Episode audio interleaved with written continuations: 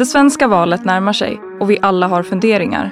Hur ska vi kunna få bättre kollektivtrafik på Gotland? Hur blir vi av med knarket? Och hur kan den gotländska vården förbättras? Ja, det är bara några av ämnena vi ska prata om inför valet. För vi på helagotland.se sitter ju i en väldigt speciell sits. Vi har inte bara en, utan tre ledarskribenter.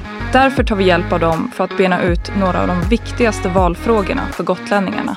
Välkommen till podcasten Rakt på sak med Mats Linder, Eva Bofride och Erik Fransson.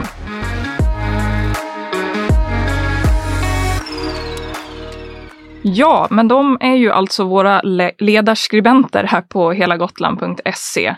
Eh, och med mig här har vi som vanligt Eva Bofride som skriver på oberoende centerpartistisk sida, Mats Linder som skriver för oberoende moderat och Erik Fransson oberoende socialdemokratisk. Och jag eh, som programleder detta heter eh, Cecilia Thomsson. Men vi gör väl som vanligt, vi har ju ett nytt eh, ämne att eh, ta oss an idag och vi ska prata om eh, gotländsk eh, sjukvård. Och det här vet vi ju är en av de allra viktigaste frågorna för eh, väljarna inför det här valet. Säkert med eh, pandemin som ligger liksom nära i tid. Jag tänker att vi ska prata lite mer eh, om just primärvården idag, alltså vårdcentralerna. Eh, för det är ju ändå det som jag tror att eh, de allra flesta kommer i kontakt med oftast. Ehm, och om vi då pratar om vårdcentralerna, Mats, eh, vad, vad tycker du finns för brister idag? När jag tänker tillbaka på mina egna kontakter med primärvården i olika sammanhang som jag absolut inte ska gå in på, eh, så kan jag inte erinra mig att jag har någonsin har träffat samma person mer än en gång. Jag har nog aldrig träffat någon två gånger i primärvården, jag kan erinra mig. Det är ju ett problem. Det tror jag många håller med dig om mm. faktiskt. Eva, vad säger du? Eh, jag har inte det problemet. Jag har i stor utsträckning träffat samma doktor varje gång jag är på vårdcentralen. Men problemet är ju just det här med att få en tid vid vårdcentralen och det skiljer ju mellan, eh, mellan vårdcentralerna såklart. Men Problemet är att det kan inte, vara, det kan inte finnas så två alternativ. Det ena är att du får vänta i två veckor för att komma till vårdcentralen och det andra alternativet är att du åker ner på akuten för där även om du får vänta så vet du att du får träffa en doktor. Det måste finnas något mittemellan och här finns ju många olika förslag på, man vill ha eh, lättakuter som man kallar det, vill nu somliga ha, och eh, lite jourbemanning på vårdcentraler så att man eh, kan kom, i alla fall komma i kontakt med en. Sen behöver man kanske inte alltid ha vård, det kanske räcker att man får prata med någon. Och här är det ju viktigt då att inte ta bort eller förbjuda de lösningar som faktiskt finns. Och då menar jag framförallt den digitala vården som ju är fantastisk och borde användas mer och inte mindre. Sen får man ju lösa det här med kostnaderna, men det kan ju inte vara eh, lösningen att ta bort det som gör att folk kommer i kontakt med vården. Håller du med om det, Erik? Är den digitala vården viktig? Jo, det är ju, det är ju en utveckling som, som måste fortsätta. Uh, även om det idag finns stora problem med de här privata uh, apparna som, som uh, kostar regionerna en massa pengar, uh, egentligen i onödan. Men, men grundproblemet är ju återigen en bemanningsfråga och, och villkoren för de anställda inom, inom sjukvården. Uh, och, och, det är det någonstans som måste börja jobba med.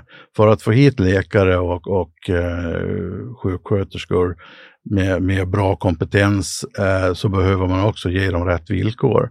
Uh, och det har man börjat jobba med tycker jag. Uh, den här idén om listtak för läkare uh, känns bra. jag var lite anti till det till att börja med för det kändes inte genomförbart. Men, men efter att ha sett hur man har gjort i, på Öland i Borgholms kommun så, så känns det här som en, en bra lösning. Men, men man måste jobba mer med de frågorna så att, att läkarna och sjuksköterskorna kommer hit med, med bra villkor. Eh, så att de vill jobba på Gotland. Vad tycker ni andra? Listningstak, är det en, ett eh, steg i rätt riktning? Uh, ja, uh, men jag kan ju också konstatera att på de andra ställena man har valt att uh, sikta mot det här målet har man inte kommit fram. tyvärr. så det är verkligen inte lätt.